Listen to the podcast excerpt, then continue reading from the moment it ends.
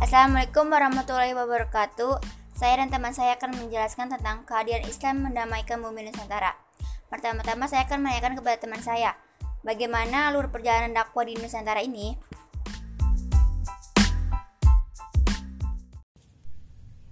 Ya, jadi alur perjalanan dakwah di Nusantara itu sudah ada sejak zaman prasejarah. Ya, karena negara kita sendiri itu adalah jalur yang sangat penting untuk perdagangan di seluruh dunia. Apalagi di bagian baratnya yang tepatnya ada di Malaka dan sekitarnya. Para ahli sejarah mencatat bahwa Islam masuk ke Indonesia melalui jalur jalur perdagangan. Sebelum Islam datang, Nusantara berada dalam pengaruh agama Hindu, Buddha. Pengaruh-pengaruh tersebut berdampak pada pola hidup masyarakat di Indonesia.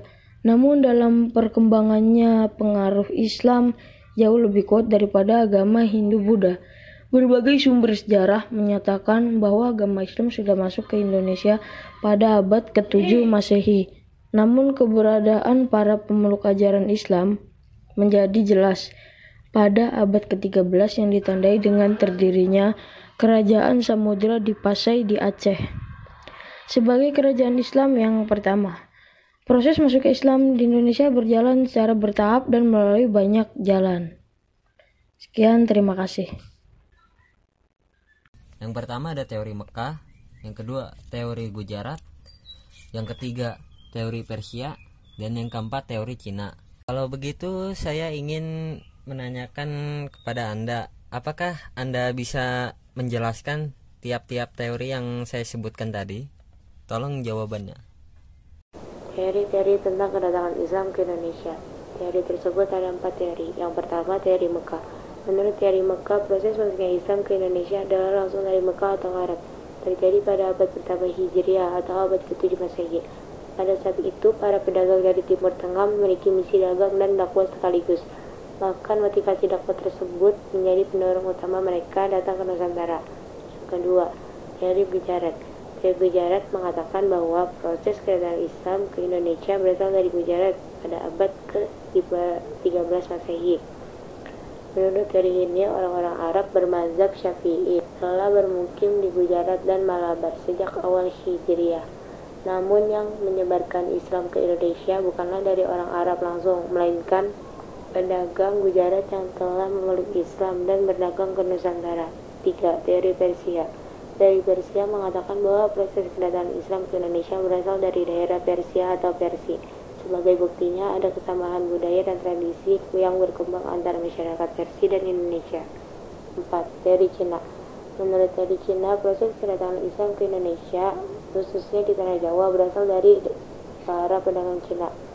Mereka telah berhubungan dagang dengan penduduk Indonesia jauh sebelum Islam dikenal di Indonesia. Ajaran Islam sendiri telah sampai di Cina pada abad ke-7 Masehi. Sebagai pembuktian teori Cina ini bahwa Raja Islam pertama di Jawa yakni Raden Patah dari Bintaro Demak merupakan keturunan Cina. Semua teori di atas masing-masing memiliki kelemahan dan kelebihan tersendiri. Tidak ada kemutakan dan kepastian yang jelas. Dalam setiap teori tersebut, sebuah teori di atas semakin memperkaya kanzana keilmuan tentang sejarah Islam di Nusantara. Apa saja penyebaran Islam di Nusantara? Saya akan menjawab pertanyaan teman saya. Penyebaran Islam di Nusantara. 1. Perdagangan. Proses penyebaran Islam melalui jalur perdagangan dilakukan oleh para pedagang muslim pada abad ke-7 sampai abad ke-16. Para pedagang tersebut berasal dari Arab, Persia, dan India.